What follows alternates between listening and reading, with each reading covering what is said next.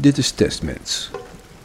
Een podcast over hoe de veiligheidsdienst probeert om iemand te dwingen om voor ze te werken. En als dat niet lukt, die persoon te gebruiken als proefpersoon. Testmens. Jonge AIVD'ers trainen hun vaardigheden op deze volstrekt onschuldige burger. En dan besluit de Veiligheidsdienst om te gaan experimenteren met het storen in het brein.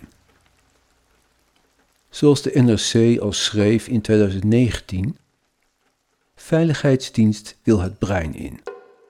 Maar ze waren al lang begonnen.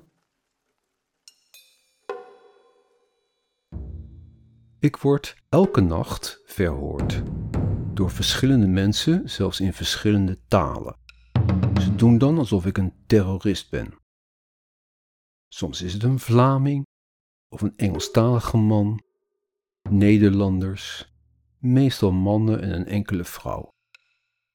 Er wordt op mij geoefend met het stellen van vragen met deze techniek. Vuile terrorist, als je nu geen antwoord geeft, dan word je vermoord. Ik moet iets bekennen wat ik niet gedaan heb en wat zelfs niet kan. Van moord tot spion voor de Russen tot terrorist. Als ik niet meewerk, delen ze pijnprikkels uit.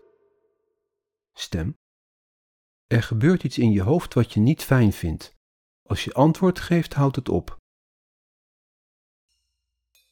Zoveel toevalligheden, zoveel voorbeelden, dat het waar is.